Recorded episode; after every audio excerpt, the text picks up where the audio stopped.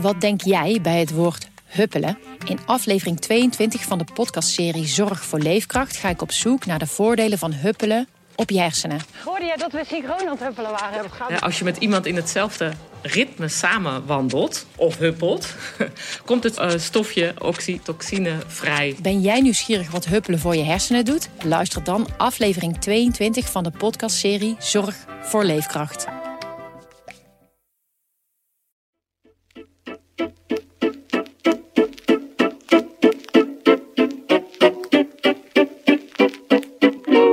Hallo, dit is Haags Half Uurtje, de politieke podcast van Trouw en ik ben Christophe Smits. Ze is misschien wel de meest besproken politicus in Den Haag van de laatste paar jaar, Sigrid Kaag. In deze en de komende aflevering van Haags Half Uurtje proberen wij dieper in te gaan op het fenomeen Kaag. Dieper in ieder geval dan het soms oppervlakkige beeld dat van haar bestaat. In het eerste deel vertelt Wilma Kieskamp, politiek verslaggever bij de krant en Sigrid Kaag, kenner van het eerste uur, hoe Kaag vanuit het buitenland in Den Haag terechtkwam als leider van D66. Voordat we de diepte ingaan, uh, eventjes een, een, een, eerste vraag aan jou, Wilma. Wat voor zomer is dit precies geweest voor Kaag? Nou, dit is natuurlijk een zomer die uh, gedomineerd wordt door zulke heftige, grote politieke vraagstukken dat uh, Sigrid Kaag, uh, denk ik, nauwelijks een moment rust heeft gehad. misschien ook wel meer nog dan andere politici. dat heeft te maken met het driedubbele takenpakket wat zij bewust gezocht heeft toen zij een half jaar geleden aantrad met dit nieuwe kabinet. Hè. Kaag wilde echt een hele centrale rol hebben. ze is en minister van Financiën en vicepremier. En zij is ook nog de politieke leider over, van de tweede partij van het land. Hè. Mhm. Wat je ziet is dat ze daardoor ook heel veel vuur trekt in elke discussie. Nou, je ziet dus in die drie rollen dat Kaag zowel in al die drie rollen ook uh, behoorlijk spannende tijden uh, beleeft. Uh, als minister van Financiën moet zij natuurlijk momenteel die knopen doorhakken over de koopkracht. Dat wordt de komende dagen, moet het duidelijk worden wat er gaat gebeuren. En uh, we zien ook trouwens, tussendoor ook misschien aardig te vertellen, dat we ook al een beetje een beeld krijgen van het soort minister van Financiën dat Kaag begint te worden. Een sobere minister die de schatkist die bewaart met de hand op de knip en zegt... Uh, ik wil voorzichtig zijn en nooit dingen beloven die ik niet waar kan maken. Dat is wel echt Kaag als minister van Financiën. En als vicepremier deze zomer, uh, ja, is het ook heel spannend voor haar, omdat er natuurlijk nu die enorme discussie is losgebarsten hoe het verder moet met de natuur uh, en de stikstof en de boeren. En uh, daarbij moet de komende drie weken duidelijk worden of het regeerakkoord overeind blijft, dan wel dat de D66 toch op allerlei manieren richting enige concessies gaat. Dat wordt voor haar heel erg spannend. En ik denk dat ze daar bijvoorbeeld um, soms al bijna flashbacks krijgt aan die vorige zomer. Toen ze met CDA-leider Wopke Hoekstra ook om tafel zat. Nou, en dan heb je tot slot natuurlijk nog Kaag de D66-leider. Um, ook daar wordt het denk ik wel spannend. wat voor stempel gaat zij nou uiteindelijk zetten op dit kabinet? Um, jij bent de auteur van uh, het boek Sigrid Kaag, de schaduwpremier. Dat is in mei verschenen bij uitgeverij Prometheus in Amsterdam. Hartstikke mooi boek. Uh, je was toen heel druk met presentaties en reacties en uh, radio-interviews. Dat is inmiddels wat het, stof is wat neergedaald. wat kan jij ons vertellen over de reacties die je hebt gekregen in de tussentijd? Um, ja, die waren heel uh, verschillend natuurlijk, afhankelijk van uh, aan wie je het vroeg. Um, laat ik zo zeggen, de, op het boek is eigenlijk verrassend uh, positief gereageerd, vond ik. Ook, ook van um, mensen die um, behoorlijk kritisch staan tegenover Kaag, kreeg ik vaak te horen. ik heb haar nu wel veel beter leren kennen. Dat is wel een heel mooi compliment. Ja, ja, vond, ja. Ik zeker, een van de, vond ik zeker een, een heel mooi compliment. En um, uh, de reacties waren ook um, uh, op social media behoorlijk heftig. Uh, niet, zozeer op, niet zozeer op de inhoud van het boek, want dat betrof dan mensen die het boek helemaal niet hoefden te lezen om al hun oordeel klaar te hebben over en het boek en dan vooral over Sigrid Kaag zelf. Alleen al het feit dat zij publiciteit of aandacht krijgt, dat is ja. voor die mensen al ja, erg. Ja, en in Ja. die zin heeft die zin eh, was voor mij ook wel interessant. Ehm, eh, ik heb natuurlijk eh, vaak gezien als journalist eh, dat, dat weten we allemaal ook, dat, op, dat er op online, op social media over Sigrid Kaag altijd veel te doen is.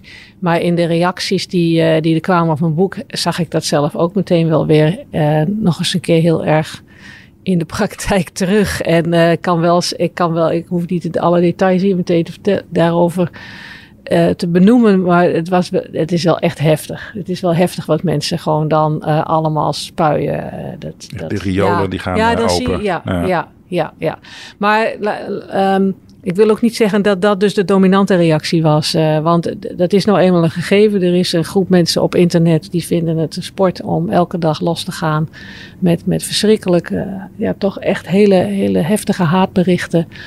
De grootste, de grootste, overgrote deel van de Nederlanders is, is, eh, is zo niet natuurlijk. En ehm, daarvan, ehm, ehm, ja, daar, daar heb ik het boek voor geschreven, voor die mensen. Omdat daar denk ik, die mensen ook gewoon nieuwsgierig zijn, denk ik, naar hoe is zij nu echt.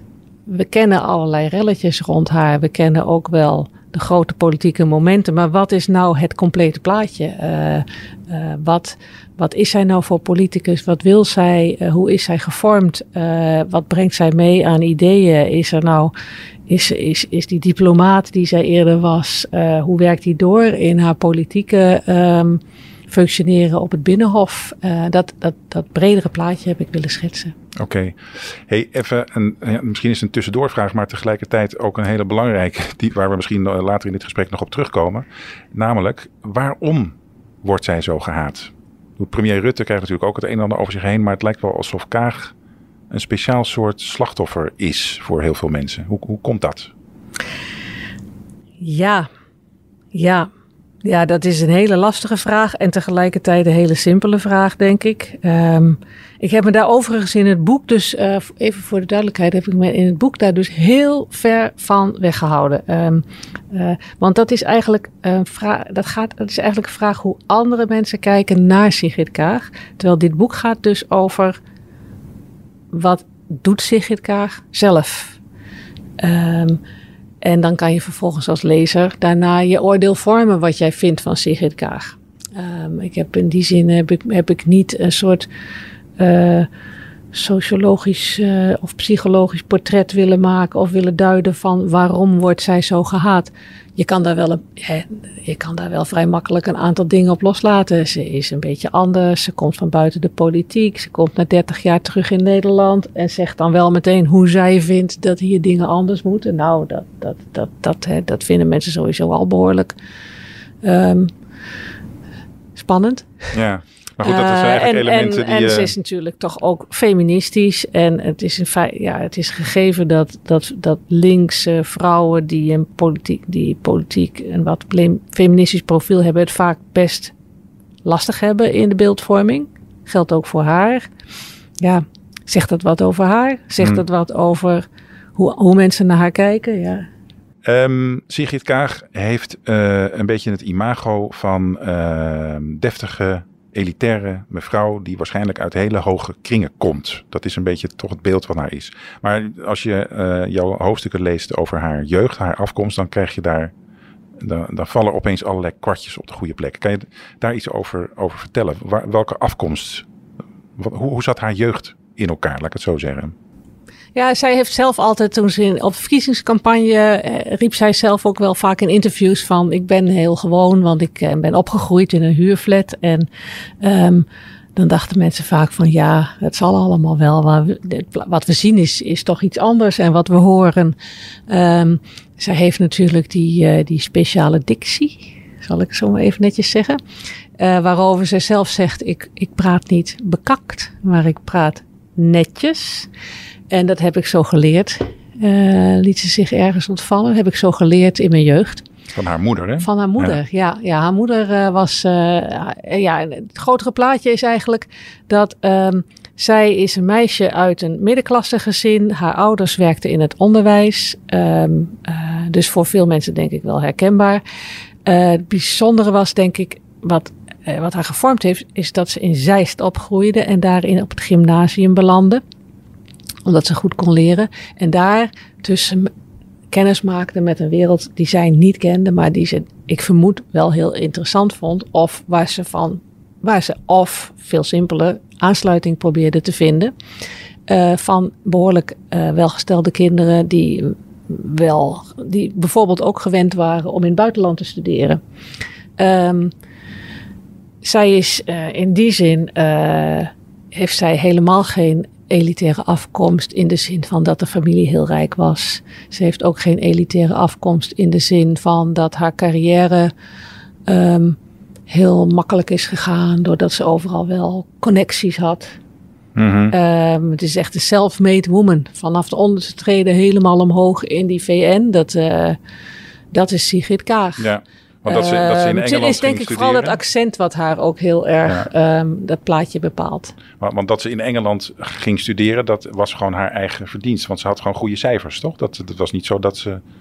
Uh, nou, dat was best wel iets bijzonders, ja. Christophe. Ja, nee, maar ik bedoel, we, dat, dat was geen over... machtspolitiek dat ze daar ging studeren met een rijke oom of zo. Nee. Nee, nee. nee. het was niet omdat in haar familie iedereen altijd naar, naar, naar, naar Oxford uh, ging, omdat uh, opa daar... exact. Nee, dat bedoelde ik met, voor had uh, klaarstaan. dat bedoelde ik met haar eigen verdiensten. Nee, ze heeft er gewoon hard voor gestudeerd. Ja, en wc schoongemaakt, geloof ik, om het bij elkaar te verdienen. En um, uh, het, het, interessante is, um, in haar klas zat, zat nog zo iemand die ook uit een middenklasse gezin kwam. Uh, en dat is uh, later ook een politicus geworden. en die wilde ook studeren in het buitenland. Uh, en daar was zij bevriend mee. Dat is Wouter Bos van ja. de P van de A. Daar was zij bevriend mee. En ze fietsten samen op uh, naar schooltijd. Want ze, moesten, ze woonden beide niet uh, in het oude Zeist van de villa's. Hij woonde daar buiten, in het dorp daarbuiten. En zij woonde in een nieuwbouwwijkje in die huurflat. En dan fietsen ze samen op. En ik uh, stel me zo voor dat ze daar toen ook gehad hebben over hun beide wens om in het buitenland te gaan studeren. Iets wat in die tijd heel bijzonder was. Maar wat dan bij die rijke kinderen in Zeist wel vaker voorkwam. Okay. Dus uh, zij waren gewoon sociale strevers, zeg maar, die omhoog wilden. Zijn zij nog steeds bevriend eigenlijk? Bos en Kaag? Heb ik niet. Heb, nee. Ik heb niet de indruk. Nee. nee. Goed, ze zijn wel allebei ook bij Shell beland. Oh ja. Ja.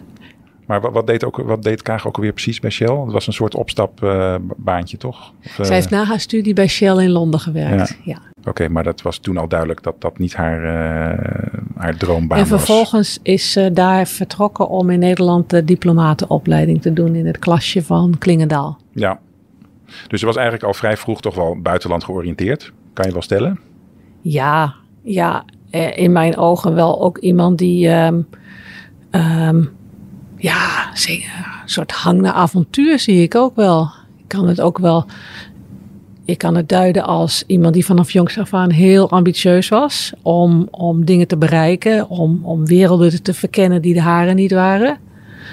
Uh, je kan ook zeggen, goh, ze was gewoon ontzettend avontuurlijk. Het leek haar gewoon verschrikkelijk spannend om in het buitenland te gaan studeren. Dat deed verder niemand, maar dan ik heb bij Sigrid Kaag ook wel de indruk dat, dat zodra je tegen haar zegt dat ze iets niet kan of zo, dat ze het des te mm. harder wil. Hè? Ze is aanvankelijk ook één keer afgewezen voor een buitenlandstudie. Het is toch weer geprobeerd. En het is ook wel een soort rode draad in die, in die loopbaan van uh, uh, bepaalde banen. Uh, nou, dat kan je, dat is niet voor je weggelegd om in de. om. Um, om met een Palestijn te trouwen bijvoorbeeld. Dan moest zij het toch. Uh, het was ingewikkeld, moesten het toch. Um, uh, bij de top van de VN bereiken. Ja, te hoog gegrepen. Nou, ze, ze heeft werkelijk alles gedaan om te bedenken hoe kan ik me daarvoor kwalificeren. Hoe kan ik die ervaring opbouwen. Dus, uh, iemand zei tegen me van, dat is een vrouw die, die plant altijd drie stappen vooruit. En mm. um, ja, die weet al heel goed wat haar volgende project is. Um, dus dat heeft er ook altijd wel in gezeten. Dat maar is dan ook misschien iets waardoor mensen dan ook weer denken: ze is elitair, want ze is zo succesvol. Het, uh, het zal er wel allemaal ja, zijn aankomen vliegen. Exact. Eerlijk gezegd heeft, had ik dat beeld zelf ook wel een beetje in het begin. Maar ze heeft in haar jeugd toch ook wel wat nodige tegenslagen gehad in haar gezin. Haar ouders werden op een gegeven moment ziek. Zij, uh, ja, zij, zij heeft voor een zij heeft in haar jeugd ook voor een deel in een gastgezin gewoond. Bij, bij ouders van een uh, meisje uit de klas. Omdat haar beide ouders um, langdurig ziek waren. En ook echt heel ernstig ziek. Haar vader was overspannen geraakt en daarna uh, depressief en uh, moest opgenomen worden. En haar moeder had een, uh, een, een hersenaandoening, waardoor ze ook zelfs bijna is overleden. En ook jarenlang verpleegd. dus ja, dat, het is, is in, iemand, die zin uh, ja, heeft het niet, is het niet over een paardje, een paardje met rozen voortgeschreden in haar carrière. Ja, kijk, ik ben natuurlijk geen psycholoog en dan moet je bij ver blijven. Maar je, je gevoel is wel van, als je zo'n jeugd hebt gehad, dan leer je dus, ja, dan kan je, dat, dat, dat, iemand wordt daar ook heel vroeg zelfstandig en heel autonoom van. Ja. Als je op je veertiende al samen met je zusje alleen woont, omdat je ouders er gewoon niet zijn. Hè? Dan vecht je je gewoon uh, door het leven heen. Ja. Nou ja, dan moet je je eigen beslissingen voor een groot deel nemen zei al dat zij uh, heel avontuurlijk uh, is aangelegd um, en zij is uh, naar Egypte gegaan om te studeren. Wat heeft ze daar precies gedaan? Um, eigenlijk is Sigrid Kaag Midden-Oosten deskundige. Gek, gek dat we haar zelden zo noemen. Heb ik me wel eens afgevraagd waarom, waarom niet. Want ze heeft dus, ze is op jonge leeftijd in Cairo gaan studeren, Midden-Oosten studies en Arabisch. Daar heeft ze dus Arabisch leren spreken. Um, en daarna is ze, heeft ze in Oxford en uh, heeft ze in Engeland dus uh, dat Midden-Oosten studies als master ook nog gedaan. En vervolgens ook nog een studie internationale betrekkingen daarbij. En weet jij, weet jij waarom zij voor Arabisch heeft gekozen? Er waren zoveel talen om uit te kiezen. Russisch, uh, Chinees. Had zij toen al een soort voorliefde? Eigenlijk is Sigrid Kaag Midden-Oosten deskundige. Dat is, dat is wel heel interessant. Het is, dus ze heeft dus niet alleen Arabisch als taal gestudeerd. Maar dus haar, haar studie is geweest Midden-Oosten kunde. Inclusief het beheersen van, van Arabisch. Uh, en internationale betrekkingen heeft ze daar uiteindelijk ook nog uh, aan toegevoegd als master. En um, ja, waarom ging, waarom, zij was toen een jaar of twintig, wat bezielde haar om, om uh, midden jaren tachtig naar te vertrekken naar Cairo? Dat had ook te maken met ehm, interesse in, in politiek. dat is wel een interessante rode draad in die ik zag, wist ik zelf ook niet, maar um, bij alle keuzes die zij maakte in, in studie, uh, later ook in die tijd als diplomaat. En uh, zij wilde blijkbaar altijd graag wel werken op plekken waar politiek groot wereldnieuws gaande was. En destijds was natuurlijk, had je net die, olie, je had die oliecrisis gehad. Um, in het Midden-Oosten. Uh, nee, dat was toen nog oh, niet. Oh, um, dus zij, zij is. Um, zij is daar gaan studeren eigenlijk in de tijd dat er gewoon heel veel te doen was over het Midden-Oosten. Eh, daar, stond dagelijks, dat stond dagelijks op de voorpagina van de krant. En um, uh, dat leek haar, leek haar super interessant. En het is ook wel iemand die, ja, die heel veel interesse heeft in talen. En dan vond ze, vond ze dan, geloof ik, zo om dan Frans te gaan studeren, vond ze een beetje ja. saai. Dat, was toch, dat is toch ook weer past in het patroon van het beeld. Ze wil toch altijd iets doen wat anderen niet doen. Ja, ja, ja.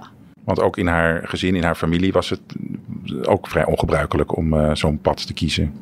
In haar, in haar familie was er niemand die ook in het buitenland had gestudeerd. Nee, nee. En ook niet standaard dat, um, dat men ging per se naar de universiteit ging. Helemaal niet. Uh, haar, groot, haar zo aan weerszijden waren het uh, middenstanders. Niet arm hoor, denk ik volgens mij wel. De, haar, haar opa en oma hadden een meubelzaak in Noord-Holland.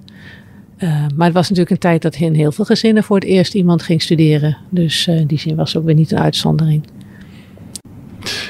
Uh, haar studie Midden-Oosten en haar kennis van het Arabisch, ehm, dat heeft zij uiteraard ook in de praktijk gebracht daarna. Wat, hoe is zij daarmee aan de slag gegaan?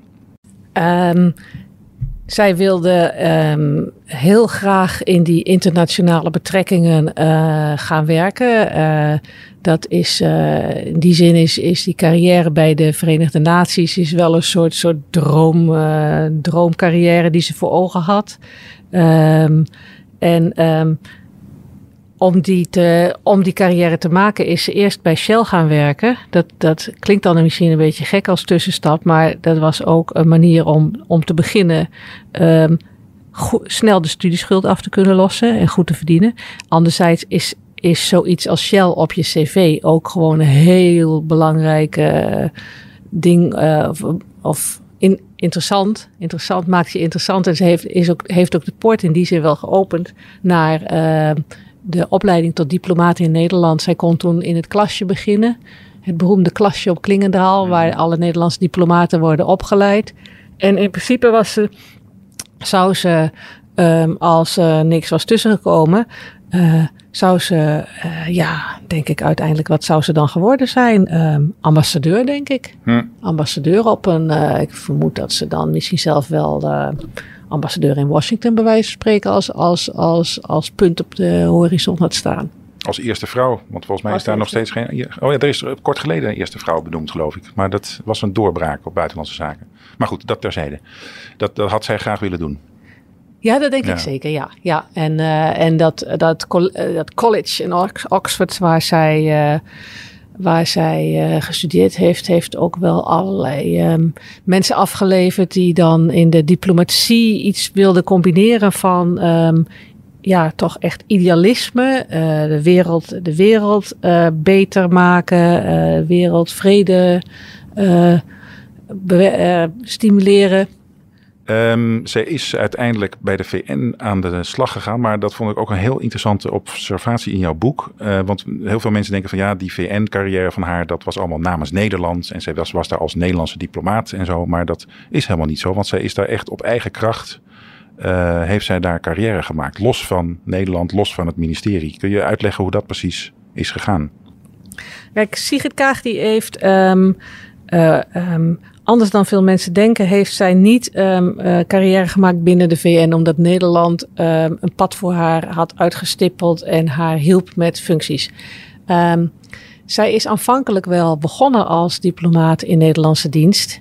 Uh, was een jonge vrouw hier op het ministerie van Buitenlandse Zaken. Heel, heel, heel interessant trouwens, hetzelfde gebouw waar nu de Tweede Kamer zit. Dus uh, die, ze loopt in wezen loopt ze weer door dezelfde trappenhuizen als, als, pilaren. Als, ja.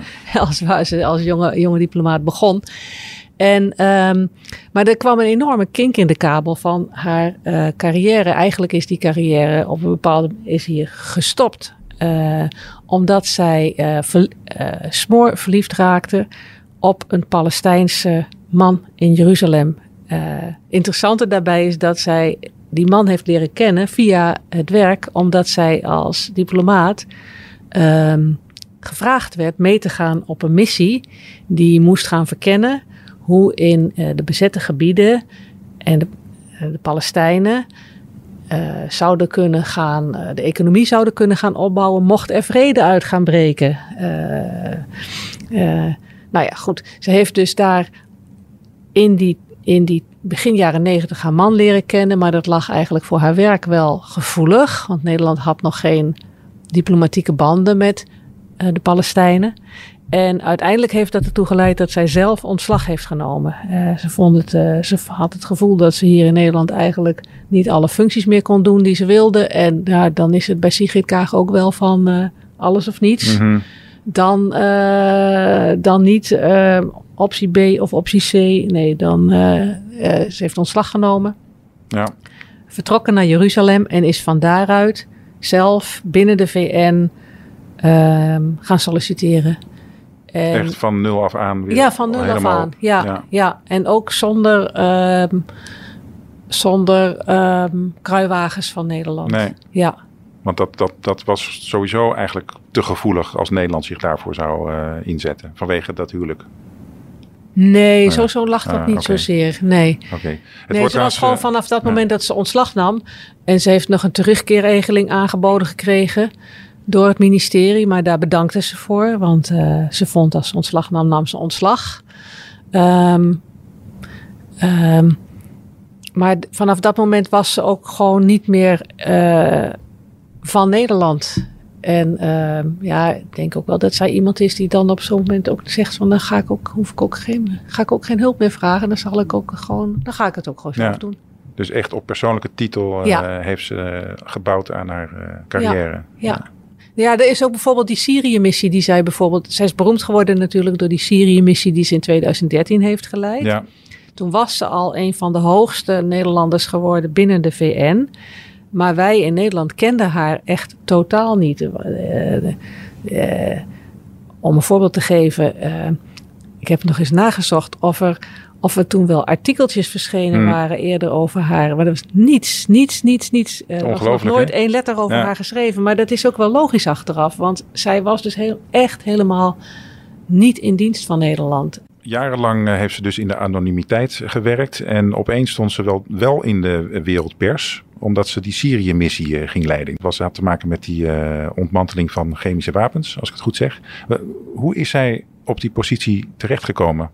Doordat zij als eh, Midden-Oosten deskundige iets in de aanbieding had, eh, namelijk ze kende de regio goed, ze sprak Arabisch.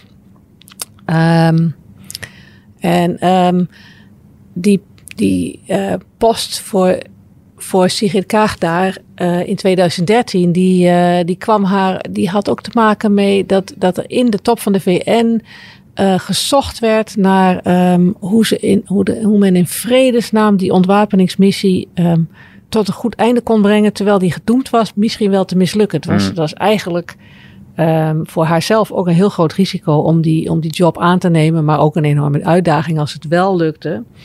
En eh, de VN, daar is toen eh, in de top van de VN eh, op een gegeven moment door iemand gezegd: een vrouw moet die missie gaan leiden.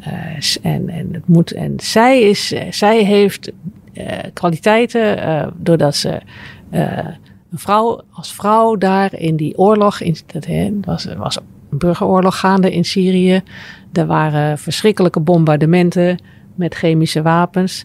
En Assad moest, eh, president Assad moest overgehaald worden om zijn chemische wapens in te leveren.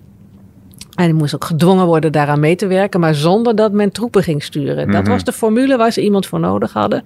En toen is er gezegd, als we een vrouw sturen, dan werkt het alleen al zo ontregelend daar op, dat macho-wereldje daar in Syrië. Misschien gaat dat helpen. En eh, het moest ook een vrouw zijn die Arabisch sprak, want dat zou ook helpen. En dat heeft ook geholpen, want zij heeft in die onderhandelingen ehm, bijvoorbeeld eh, dat Arabisch ook echt ingezet.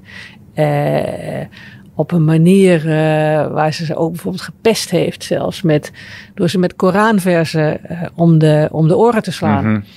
Eh, dus zij was aan de ene kant een hele, eh, wel een hele hoge diplomaat al in de VN, maar aan de andere kant ook, ook voor de, eh, in de ontwapeningswereld, in, de, in, in die wereld was ze helemaal niet bekend. En er werden toen ook vragen gesteld van, hoezo gaat zij die missie leiden? Kan zij dat wel? Kan zij dat wel? Dat hè, een vraag die, waarvan je denkt, hé, hey, die hebben we wel vaker gehoord Hmm. als het over Sigrid Kaag ging. Dus... ehm, Maar dan wordt zij juist getriggerd. Nou ja, ehm, daar heeft, ze heeft toen bewezen dat ze het kon. Ja. Ja. En, en je kan in, in elk geval zeggen, ze heeft dus ehm, ook zelfs bij die missie van, waar, die ontwapeningsmissie die, waar ze zo beroemd mee is geworden, die is begonnen met dat ze daar neer werd gezet. Terwijl heel veel mensen dachten, nou, we moeten nog maar eens zien hoe het afloopt en of, en of zij dat kan. Ze nam hele grote risico's door het te gaan doen. En daaruit kan je misschien ook wel afleiden dat, elk geval concluderen volgens mij, dat als zij nu in de politiek voor hete vuren staat, dat, dat, dat we soms misschien het gevoel hebben, we kijken naar een, iemand die begint in de politiek, dus misschien gaat het wel mis. Maar tegelijkertijd moet je beseffen dat je ook kijkt naar iemand die in die eerdere carrière heel vaak banen heeft, posities heeft gestaan, waarbij iedereen naar haar keek van nou, we moeten maar eens even zien of deze mevrouw dat gaat bewijzen. Eh, dus, dus aan dat aspect is zij wel gewend, Ja, denk ik. Ja. En ze heeft toen rechtstreeks onderhandeld met eh, president Assad. Maar over dat gesprek is verder helemaal niks naar buiten gekomen. Hè?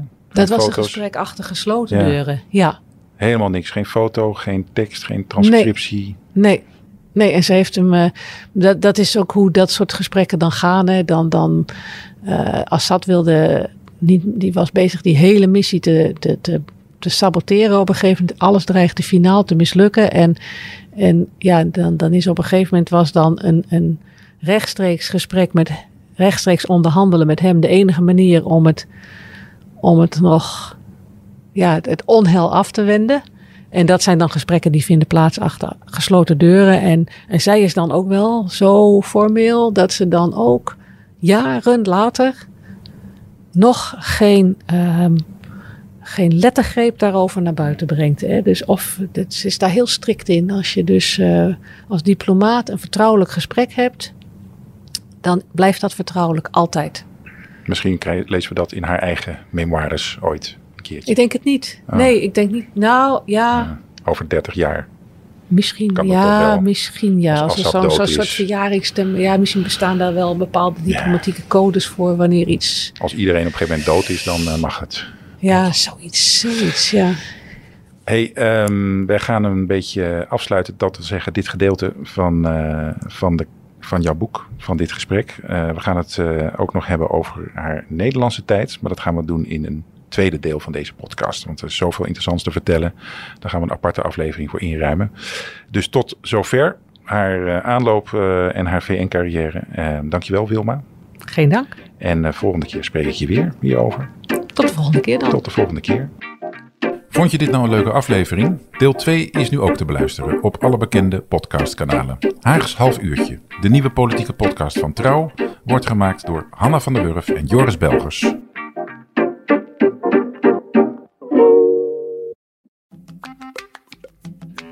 Wat denk jij bij het woord huppelen? In aflevering 22 van de podcastserie Zorg voor Leefkracht ga ik op zoek naar de voordelen van huppelen op je hersenen. Hoorde jij dat we synchroon aan het huppelen waren? Ja, als je met iemand in hetzelfde ritme samen wandelt of huppelt, komt het uh, stofje oxytocine vrij. Ben jij nieuwsgierig wat huppelen voor je hersenen doet? Luister dan aflevering 22 van de podcastserie Zorg voor Leefkracht.